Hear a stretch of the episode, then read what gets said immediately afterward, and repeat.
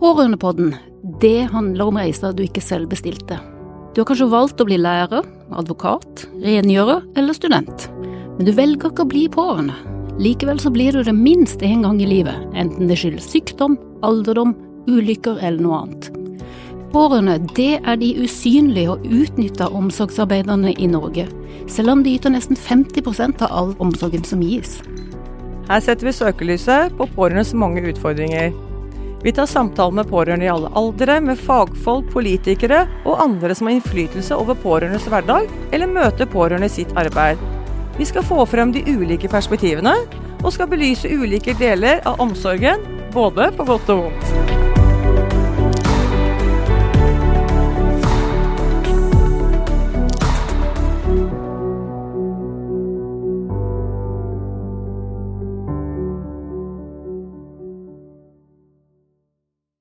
I dag, Anne Grete, så tenkte vi at det var på tide, siden det er lenge siden vi har lagd en episode også, og det nå er nytt år og nye muligheter, å ta et blikk hvor har vi vært, og hva er status, og hvor skal vi når det gjelder pårørendefeltet. Og siden det er nå ti år siden det kom eh, noen store, viktige dokumenter, eh, kanskje du kan si litt om de, for du kjenner jo de veldig godt, det som da heter Innovasjon i omsorg og Morgendagens omsorg. Ja, og så var det også det når sant skal sies om pårørendeomsorg. Det er de mm. tre tingene som var viktige når det kom. Tenkte med, med Innovasjon og omsorg var jo et veldig viktig dokument, for da begynte man jo å se litt framover. Hvordan skal det se ut om 10, 20, 30, 40 år? Eh, og da så man jo ganske fort at eh, den fine velferdsstaten vi bygget opp, eh, den ville ikke kunne bestå. Sånn som man har gjort nå, fordi vi har hatt en stor vekst. Vi har mange som kunne ta seg av de som er eldre, og vi har hatt eh, gode vekstvilkår alle sammen. Nå vil det jo bli annerledes. Vi alle skal ut og jobbe, og vi blir flere eldre, og vi lever lenger, og vi har større, kanskje større krav til hvordan vi vil ha det når vi blir eldre. Og, mm. og da er det jo, sånn som du sier, innovasjon. Altså vi må tenke nytt.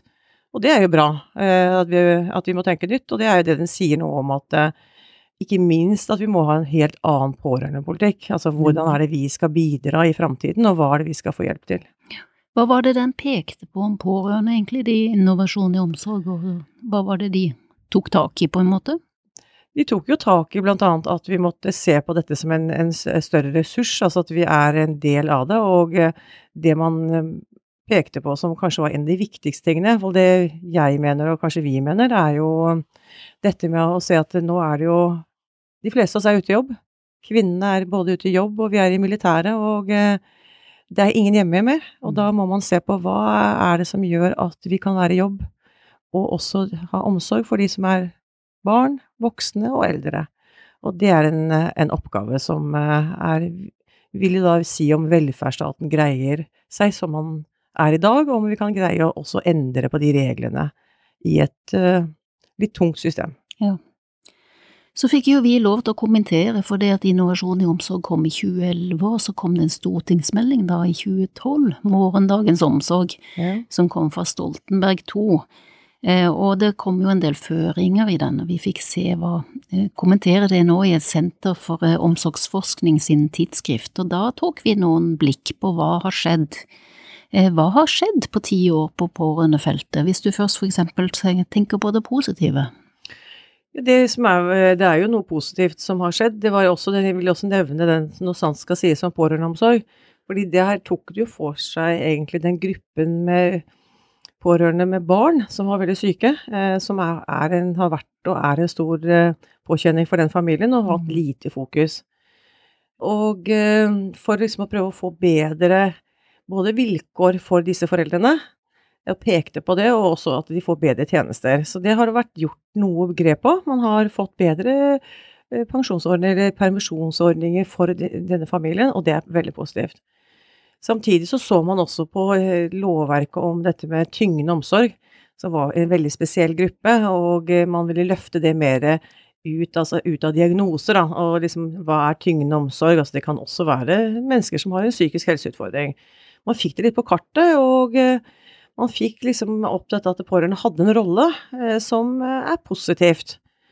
Det er vel kanskje de tingene jeg tenker, tenker sånn først og fremst på akkurat nå. Mm. Jeg vet ikke om du tenkte på Nei, det kom jo noen endringer som satt nå. Altså, vi ble jo Pårørendealliansen ble jo til Ja. som bakgrunn av en Mm. pårørendeveileder som ble utarbeidet og satt egentlig inn i helsetjenesten, og det, det er jo positivt. Ja.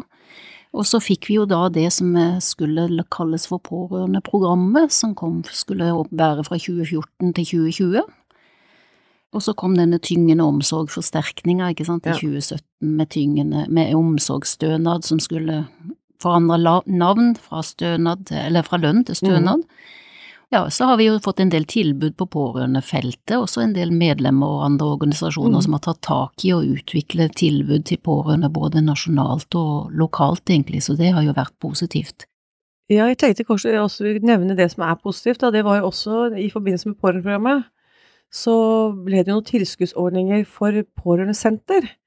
Eh, Og det har jo vært litt positivt. Vi har fått både i Fredrikstad, nå har vi fått i Telemark, og også var det vel i Ålesund. Og det er jo litt sånn Så man ser eh, konturene nå, at de fortsatt er der og gjør en god jobb der de er, da. Mm.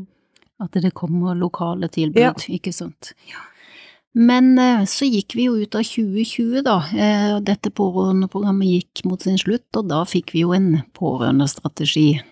Ja. Og der var det jo vi som var med og var litt pådriver til den, og vi trodde at den kom til å peke på en ny retning. Syns vi at den gjorde det? Ja, Vi var jo veldig optimister Anita. Mm. Og vi var jo veldig stolte egentlig av at de jobba med det. Og vi hadde jo Det var jo en fin prosess, mange innspill. Og så er det jo alltid sånn at eh, man håper på mer enn det man får. Så eh, var det 34 tiltak. Mm. Det var puslete. Mye der. Ja, og så var det tre hovedmål, hvorav Ja. ett av de egentlig ikke ble innfridd i det hele tatt, fordi man sa som et mål at man skulle gjøre det mulig å, å kombinere dette med å arbeide og gjøre pårørendeutfordringer, men det var jo ikke skjedd noe der. Em, og det var jo ikke skjedd helt tilbake egentlig fra noe som sto da i den morgendagens omsorg, en, eh, at det skulle settes ned et utvalg eller eh, som skulle gjennomgå permisjons- og velferdsordninger. Så man hadde egentlig bare tatt det samme som var og sagt at dette er godt nok, og så, så sto vi med det samme og, og skal møte nye utfordringer. Ja. Og Ja. det er egentlig litt rart. Ja, det er rart. For det at når du lager en NOU, og eh, man peker på de, kanskje en av de største utfordringene på pårørende, er Mm. dette med å kombinere jobb mm. og omsorg, mm. så tok man det ikke da.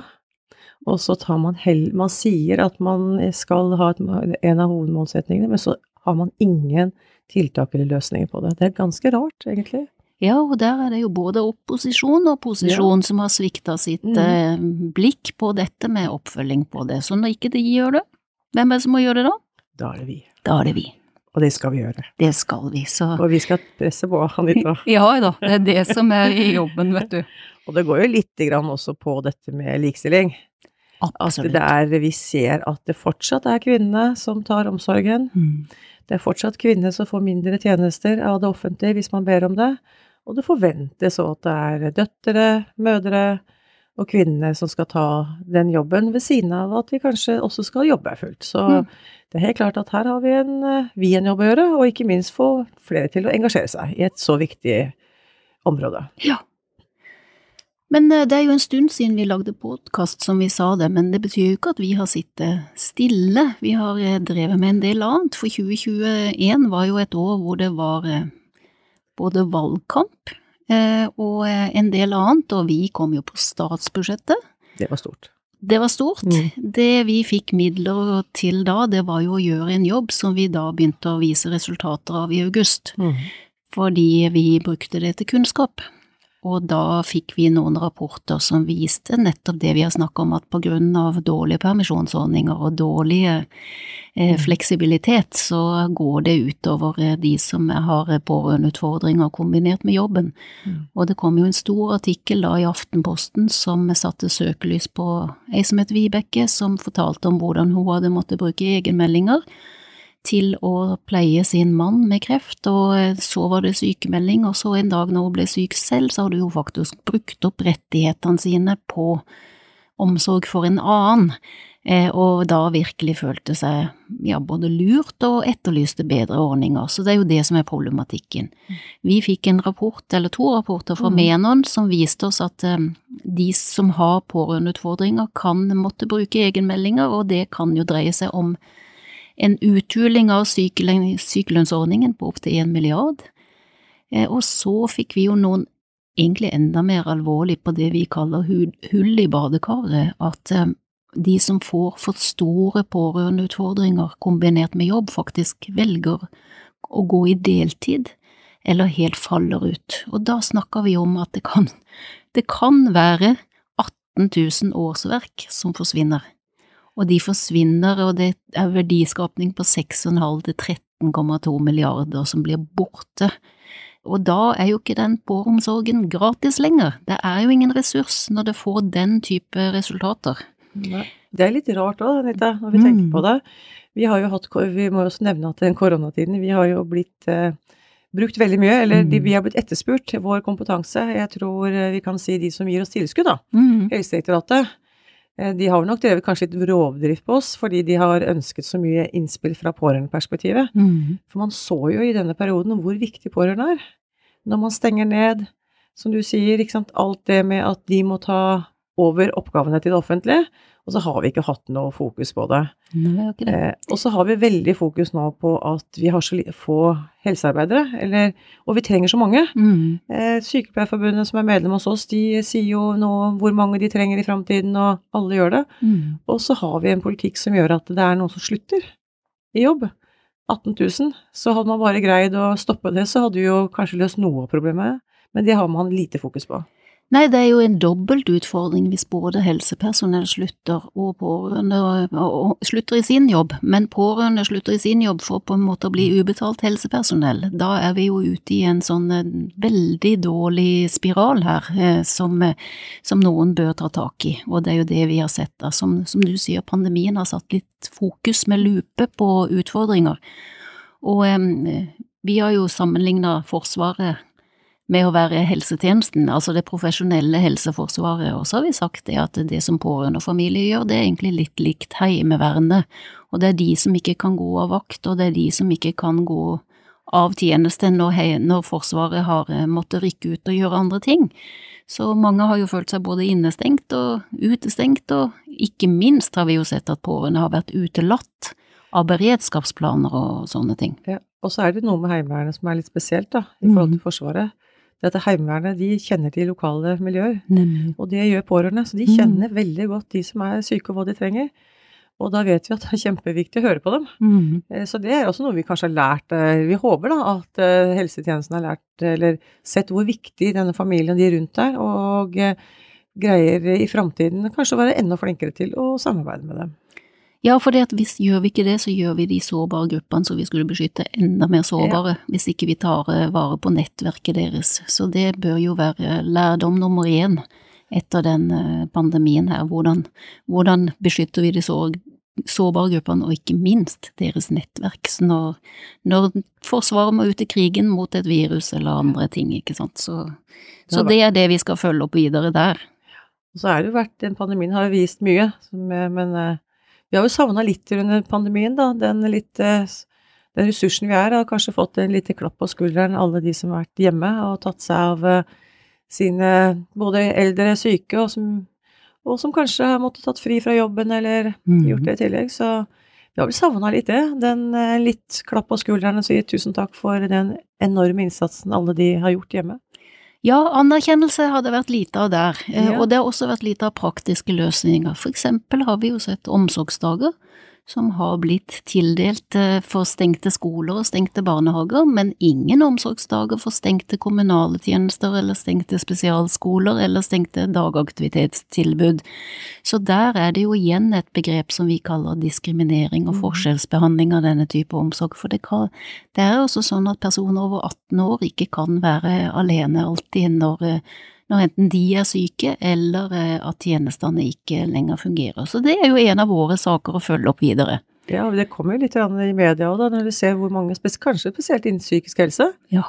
der man eh, har allerede en kanskje noe slanka tjenestetilbud, og hvor alvorlig det har blitt for veldig mange av de unge jentene med både spiseforstyrrelse og andre ting. Der det er jo da familien som da rundt har måttet ta den eh, oppgaven med å prøve å hjelpe dem, mm. som de kanskje ikke har noen forutsetninger til. Eh, og vi har hatt lite fokus på å hjelpe de familiene. Det ser man jo nå, eh, store konsekvenser. Så helt klart, eh, må man være flinkere til å støtte opp til familier i framtiden. Det tenker jeg er kjempeviktig. Både i hverdag og i krise. Ja. Det er vår Den tar vi med oss og følger opp. Men du, vi går jo mot en ny tid. Det er litt sånn hva nå? Ny regjering har vi. Eh, vi har eh, et nytt år med nye muligheter, og de har jo vi lagt opp til at vi skal jobbe med en del definerte områder. Ja. De er definert litt på bakgrunn av hva vi har vært igjennom, på grunn av morgendagens omsorg og hva som står der, og, og hva som er de viktige tingene å følge opp. Hva er det første punktet vi skal jobbe med, Anne Grete?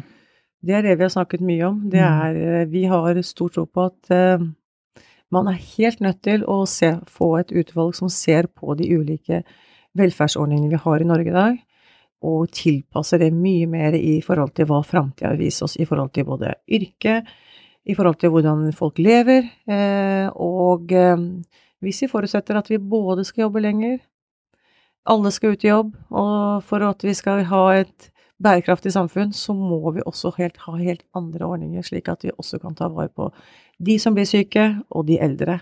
Mm. Eh, og ikke minst i forhold til at man heller ikke legger opp til å ha institusjonsplasser, sykehjemsplasser, alle skal være hjemme, bo hjemme lengst. Da er vi nødt til å ta noen skikkelige grep, og det er noe vi er nødt til å ta tak i, Anita. Mm. Jeg har tenkt mye på det. Hvorfor tror man, eller tar man på en måte så lett for gitt at pårørende ikke skal kompenseres for det de gjør? Hvor tror du det ligger hen? At man liksom tenker at kjærligheten skal betale regningene, og at det er eh, eh, hvorfor, Hvor kommer den holdningen fra? Jeg tror det kommer Vi har de holdningene fra ikke gammelt av, men det var jo sånn at mor var hjemme, iallfall i min eh, generasjon, mor var stort sett hjemme, og bestemor var hjemme, og de kunne ta den omsorgen. De pleide de gamle, de, de vasket tøy, eh, og eh, man har vel nok kanskje ikke sett helt eh, framover hvordan dette kommer til å bli. Så det er nok litt sånn kvinnesak, dette her, at eh, fortsatt så er det nok eh, mange menn som ikke ser at kvinner eh, at det, at det er kvinner fortsatt som gjør dette. Jeg tror det har noe med det å gjøre. Ja, og så har det også noe med å gjøre med at eh, altså det, den generasjonen iallfall som jeg tilhører, som har fått nyte godt av barnehage og SFO og heldags eh, sånn for barn og unge, da, nå kommer i den alderen hvor vi ser at det, det trengs eh, støtte til andre i andre faser, og så har vi ikke lagd noe rammeverk eller noen systemer for det, for det skal på en måte bare klemmes inn i livet vårt, og så bruker vi helger og ferier og sånne ting, og så begynner det jo gjerne å, å, å gå utover arbeid, og da er det jo ofte kvinner som gjør det fordi at de har turnusyrke, hvor det kan være mm, vanskelig å kombinere, og det er også de som har lavest inntekt etter et langt yrkesliv også, som regel av mannen og kvinnen i et forhold, da. Mm. Så at det blir lett at kvinnene tar eh, både mor og svigermors og og de andre som trenger som en sånn omsorgskoordinator i, i familiesituasjonen. Og så er det vel kanskje litt det at, som du sier, den nye generasjonen, de har fått ordninger. De er ikke helt blitt ramma ennå. Jeg har ikke, fikk ikke de ordningene. Nei. Eh, og altså, vi er kanskje vant til at ikke vi har Jeg fikk ikke noe permisjonsordning da jeg hadde et sykt barn. Mm. I dag har vi det. Jeg fikk Mm. ikke noe pleiepenger. Så du kan si den generasjonen som er en 10-20 år yngre enn meg, de vil nok forvente det. Så de vil nok bli eh, De vil først bli skuffet når de ser at det ikke er tilrettelagt for dem. Mm. Men jeg tror rent politisk så kommer det til å bli et veldig press. Så de partiene som nå ser at dette her er noe de bør gjøre, de gjør en smart grep, mener jeg. De gjør et smart grep. Og noe annet vi må fikse, som er vår prioritet nummer to, det er jo den viktigste premissgiveren som for, vår, for, et, eh, for trygge forhold, det er jo samarbeid med helsetjenesten. Ja. Der er det jo noen eh, enkle grep som, eh, som kan gjøres, og som bør gjøres, og som også faktisk står i pårørendestrategien. Det er jo dette med at man skal få medvirke. Pårørende skal få si eh, også sin, eh, sin sak og sitt liv, ikke minst, for det som gjøres med pasient og bruker kan påvirke inn i deres liv og deres eh, forhold. Så de må være en part i det hele. Og så er det jo dette med å samarbeide på lang tid. Det kan formaliseres litt mer i en type avtale, og hvor det helt klart må være en kontaktperson, hvor det må være jevnlig avstemning av hvem gjør hva, hvor vi kanskje snakker sammen eh, med jevne mellomrom og oppdaterer, for ting kan jo skje fort i ulike både helsetilstander og, Og pårørende kan være ute av stand til å hjelpe mer, for eksempel, det kan også skje. Og eh, så får man avtalt eh, sånne ting som avlastning, for eksempel, som vi vet er en kjempeutfordring og en kamp for mange å få. Eh, de må nærmest bevise at de har behov for det, og ta imot litt sånn på nåde. Hva tenker vi om samarbeidsavtalen, Anne Grete? Ja, den tenker jeg mye om. Det er, egentlig så kan man begynne litt eh, Egentlig kanskje noe av det vanskeligste. Det er den erfaringen iallfall jeg har, da, eh, sammen med familien min. Det var når eh, man skulle definere samarbeid. Ja. Hva er samarbeid? Hvem er det som definerer det? Og ofte så snakker vi om samarbeid med helsetjenesten. Eh, Da er det helsetjenesten som skal definere hva de mener er et godt samarbeid med meg og min familie. Mens vi ofte har veldig ulike tilnærminger til det ordet. Mm. Eh, For det ellers i samfunnet, så når vi skal samarbeide eller vi skal avtale noen oppgaver, så skrives det veldig ofte ned. Vi avklarer det. Forventningsavklaringer. Men i helsetjenesten så har vi aldri noe på det. Så de kan oppleve at de samarbeider godt med oss, og vi kan oppleve at vi overhodet ikke har noe samarbeid med tjenesten. Det med samarbeidsavtale, det gjør det veldig klart. Det er Mm. egentlig veldig enkelt, og det er rart at det ikke har kommet opp før. Mm. For vi gjør det i alle andre sammenheng, og i så komplekse saker som det er med helsetjenesten, med så mange aktører de må forholde seg til, og vi må gjøre, så er det jo Jeg har så stor tro på å kunne ha en samarbeidsavtale med det, den helsetjenesten, både i forhold til vi vet avklare hva vi skal gjøre. Vi bruker mye mindre tid på å ringe og mase og kjase.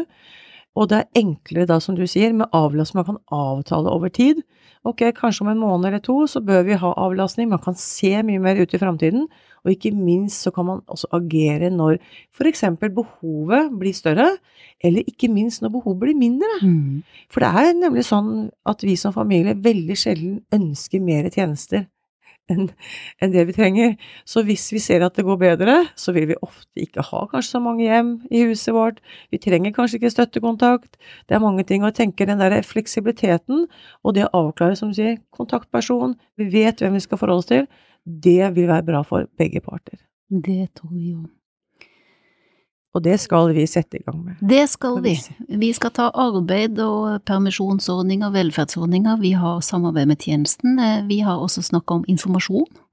Vi vet at det under eh, det å finne informasjon hos doktor Google er jo ganske vanlig, og det er jo både på nasjonalt nivå, det altså hvor går du inn som pårørende, hvilke sider sluser deg videre, eller blir det enda litt sånn eh, hopp fra den ene til den andre. Vi tar eh, Helse-Norge og HDIR og FHI, og innom Nav og innom eh, Helfo og pasientreiser og sånt. Dette må jo ordnes. Altså de digitale og Norge i dag, så er jo vår holdning til dette dette må bare ordnes nå, at det blir én vei inn. Men Anita, Mm. dette har jo vi Hvor mange år har vi skrevet inn og sagt at vi ønsker det?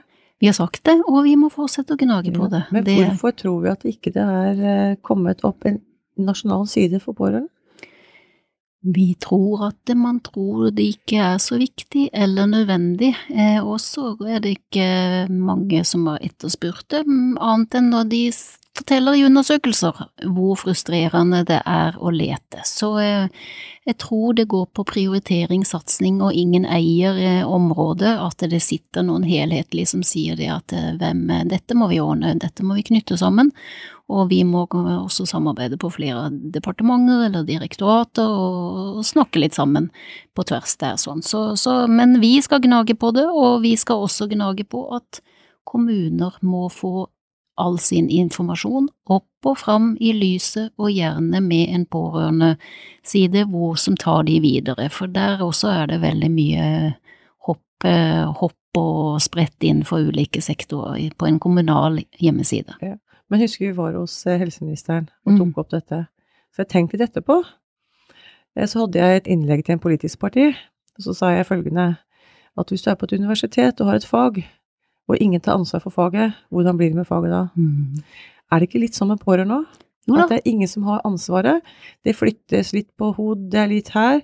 Og når ingen har det, så blir det heller ikke noe videreutvikling, og man får ikke noe helhet i det. Så jeg tenkte litt på det at eh, vi dyttes på det, men hadde noen tatt ansvaret i Helsedirektoratet f.eks., eller i HOD, eh, så tror jeg kanskje vi hadde kommet litt lenger. Så det å prøve å få plassert hvem som egentlig tar ansvar for pårørende i Norge, det tror jeg også vil bli en viktig oppgave for oss, faktisk, for å få lykkes videre. Ja, Og så må vi erkjenne at det er forskjellige begreper. For det Ja. vi sa, vi pårørende bruker vi i helsetjenesten, så vet vi at det er helt eh, Hvis vi sier det til Arbeids- og sosialdirektoratet, så peker de på Helse- og omsorgsdepartementet, mens vi, hvis vi sier en arbeidstaker med pårørendeutfordring, så kan vi få litt mer gehør. Og så må vi til barn og familie, så er det foreldre til barn med spesielle behov, eller søskenutfordringer og så videre. Så vi vet jo at det, dette med pårørendes utfordringer er spredd i mange dokumenter og mange planer og mange strategier. Eh, Så det er en litt sånn borgerperspektiv som kommer litt inn eh, all over. Og det er jo, men noen bør jo ha ansvaret for å knytte det sammen, og sitte med en sånn følge opp og følge med. Det. Foruten oss. Ikke alliansen vi følger opp og følger med, men noen må jo gjøre det fra innsiden òg. For det jeg mente. Ja, det er Så det, vi, får, det, vi får jobbe videre med det. det er det vi etterlyser. Så har vi også sagt eh, noen sånne gammeldagse ordninger. Punkt nummer fire. Økonomiske ordninger og eh, alt som kommer av smått og stort som eh, man skal ordne når det gjelder alt fra omsorgsstønaden for eksempel. Den har jo vi fått en juridisk betenkning på når den forandra navn fra lønn til stønad, og den var jo ganske skremmende egentlig, for den viste at her er vi i et veldig utydelig juridisk landskap. Eh, Her er man egentlig ikke sikker på om man er en oppdragstaker eller en arbeidstager. Man kan ende opp med rettslig ansvar, man kan ende opp med å ikke få noe yrkesskade eller få noe forsikringsutbetaling hvis man blir skada når man gjør noe under omsorgsstønad. Eh, Man har jo ingen avklart ferie eller pensjons, pensjonssparing eller noe sånt, så det er sånn der um, veldig sosial, likt sosial dumping og um, løsarbeidersamfunnet. Ja, egentlig så Og den, den er jo også knyttet opp til en statlig stønad som Mm. egentlig Men jeg, jeg tror nok det henger litt sammen med at man ikke har tatt jobben. Man har ikke gjort det. man har ikke sett på de ulike velferdspermisjonene eller ordningene våre. Nei. Og så har man i denne sammenheng, så må jeg jo si at det her er noen som har slurva.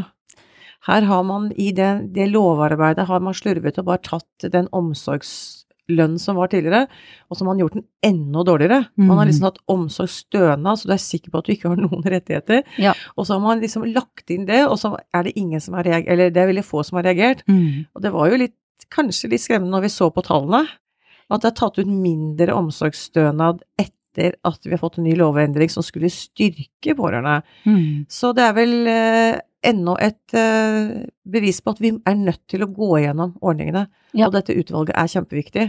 Og eh, jeg, når vi leste betenkningen, så ville iallfall ikke jeg tatt imot omsorgsstønad.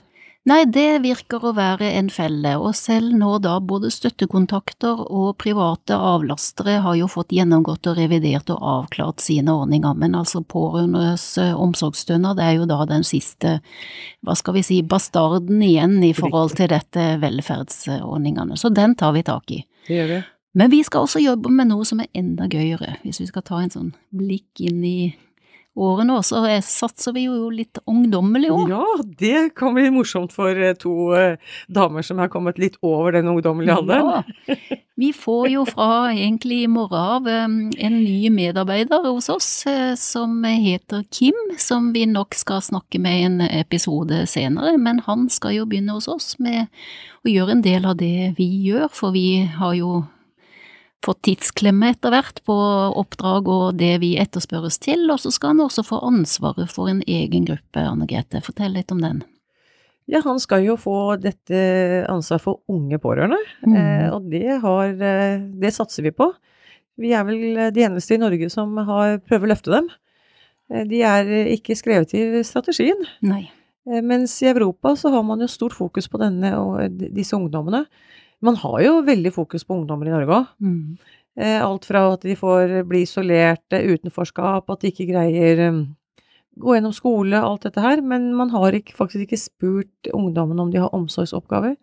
Og så vet vi vel kanskje at det er eh, ja, kanskje rundt 7% av ungdommene som har større omsorgsoppgaver hjemme. Alt fra at de skal hjelpe søsken som har kan trenge ekstra hjelp, eh, til foreldrene sine som også trenger det. Eh, Og at dette er en eh, veldig viktig gruppe at vi får identifisert. Mm. Og vi må lytte til dem, for vi vet egentlig ikke helt hva de trenger av hjelp. Og så må vi sørge for at de får den hjelpen. Og her har vi en kjempejobb å gjøre. Så det blir kjempespennende å få Kim da, til å være med oss. Vi er jo to Mm. damer, og så får vi en ung gutt, så det er eller ung mann, kan vi si. Så det blir både spennende for oss å få en ny kollega, men det blir spennende oppgaver som han skal jobbe med, og som vi kan også hjelpe til med, da. Absolutt. Så vi har trua, vi satser og senker, senker eh, gjennomsnittsalderen i organisasjonen og får inn eh, ungt, eh, nytt, ny ånd videre, så det blir bra. Um, hva, hva, hva tror vi om eh, fremtidas pårørende?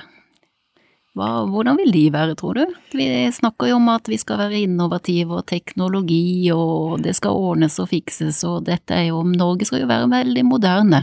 Og vi skal jo fortsette å jobbe, vi skal fortsette å produsere, det er jo bærekraftsmål som skal nås, vi skal ta vare på befolkningens muligheter, og vi skal liksom gjøre veldig mye, og samtidig så vet vi mange kommer til å leve lenger, medisinske fremskritt gjør at vi lever mye lenger med ulike helseutfordringer, vi har et pressa helsevesen, det var en politiker som sa peak Norway her, at vi kanskje har nådd toppen, og det blir rett og slett flere som trenger profesjonell hjelp.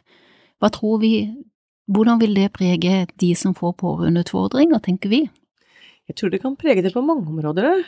Jeg tror, eh, som jeg sa, den generasjonen som kommer nå, etter hvert, de kommer til å ta mye større forventninger til å få hjelp. Mm. Både av helsetjenestene og til ordninger. Men så får vi håpe på da, at vi, vi og med politikerne får eh, bedre ordninger. Mm. eh, At man greier å kombinere det. For det er det viktigste. For det jo, vi ønsker jo gode liv. Vi ønsker å hjelpe de som er eh, rundt oss, Mm. de som er syke eller eldre. Altså, vi ønsker jo ikke å sette de bort og ikke ha noe med det å gjøre. Men vi må finne løsninger slik at vi kan både ha et ålreit liv selv og hjelpe de.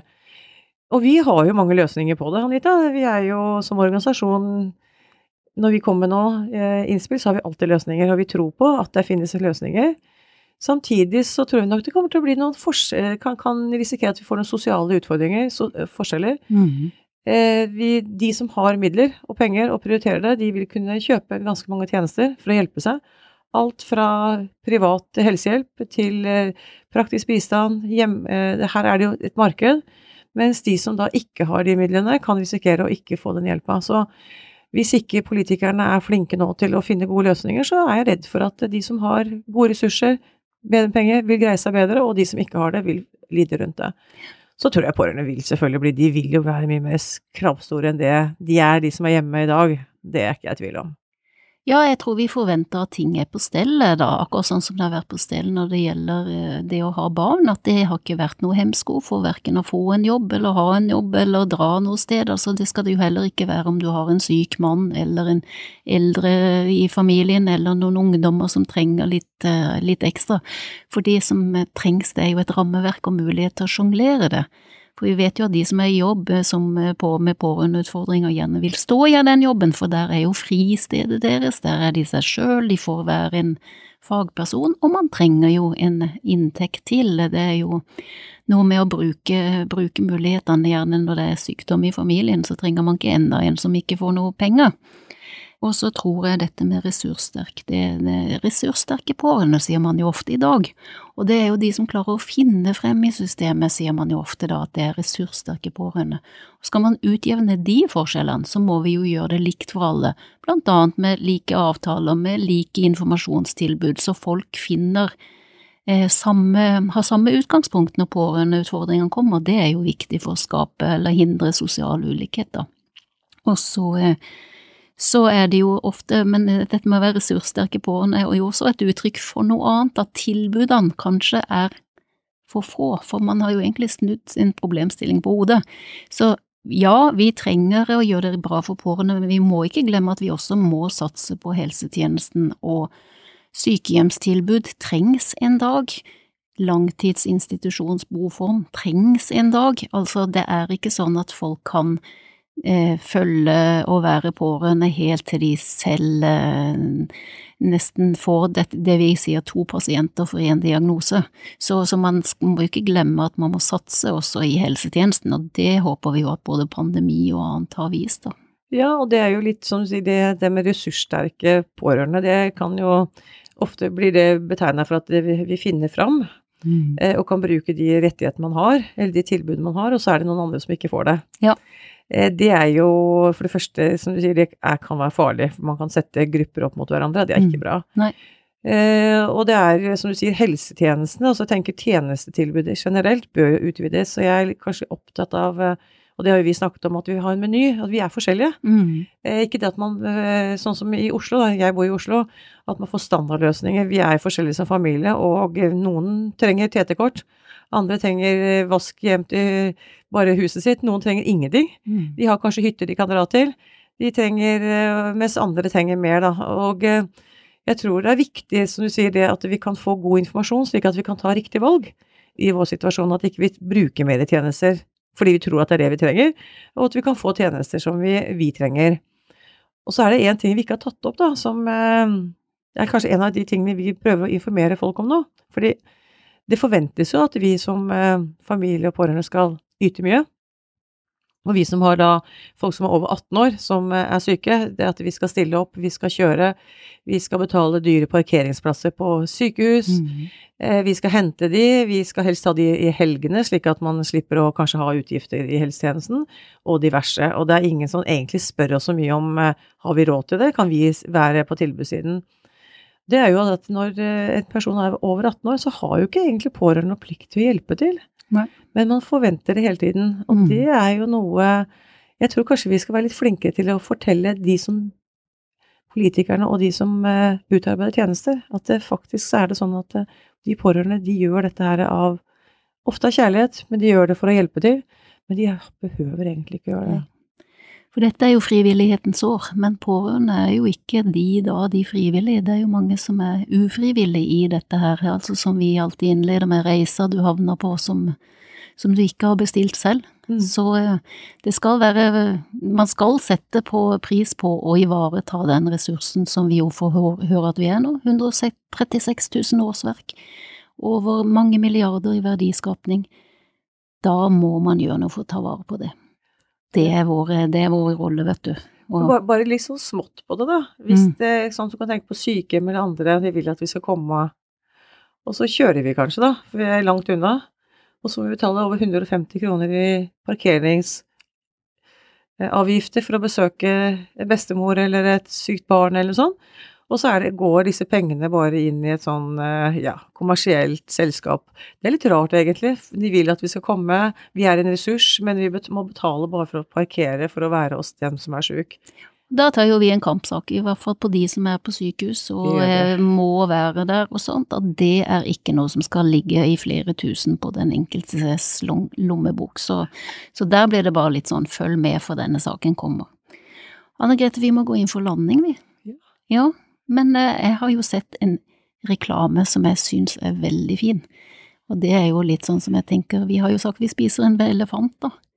Eh, eh, og så syns jeg jo den der eh, Nidar-reklamen er veldig fin, fordi at den har jo litt sånn der Du trodde vi, vi lagde den der sjokoladen med luft, vi, vet du, og da trodde du kanskje vi tok ferie, vet du. Nei, det gjorde vi ikke. Det gjorde vi ikke, vet du, og så lagde vi Smashen, vet du, og den trodde vi var fin, vet du. Trodde du kanskje vi tok ferie, du, da? Å nei, det gjorde vi ikke. Å nei, du, det gjør vi ikke. Og sånn er det jo litt for pårørende i Alliansen også. Ja. Vi og våre medlemmer, vi kommer til å jobbe på. Og hva er som blir neste, det vet vi ikke, men vi kommer iallfall til å jobbe på. Jeg er veldig enig i at det er en fin eh, reklame, Anita. Ja, det, den er god, og den er litt sånn vi jobber på, og vi har fem klare punkter å jobbe videre, så vi sier til lytterne dere må følge med, og vi eh, gleder oss til å fortelle og ha med gjester som, eh, som er med både å belyse utfordringer og også belyse det som eh, jobbes med og hvorfor det trengs. Så er det jo litt viktig på slutten òg, at vi også snakker med noen som forteller hvordan det er å være pårørende. Ja. Eh, slik at folk kan kjenne seg igjen. Mm. Det er, eh, man er ofte litt alene der ute, Man er det. så det er godt å av og til høre på noen historier, skjønne at man ikke er alene, Ja. og kanskje få noen gode råd om hvordan de takler takla situasjonen sin. Med det oppsummerer vi ti år og er klar for ti nye. Og, eh, Ti nye, Anita. følg med.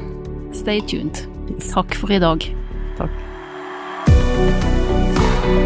Er dette tema for deg eller noen du kjenner? Følg oss gjerne på sosiale medier, hvor vi synliggjør og gir de pårørende stemme. Du finner alle lenkene i episodebeskrivelsen.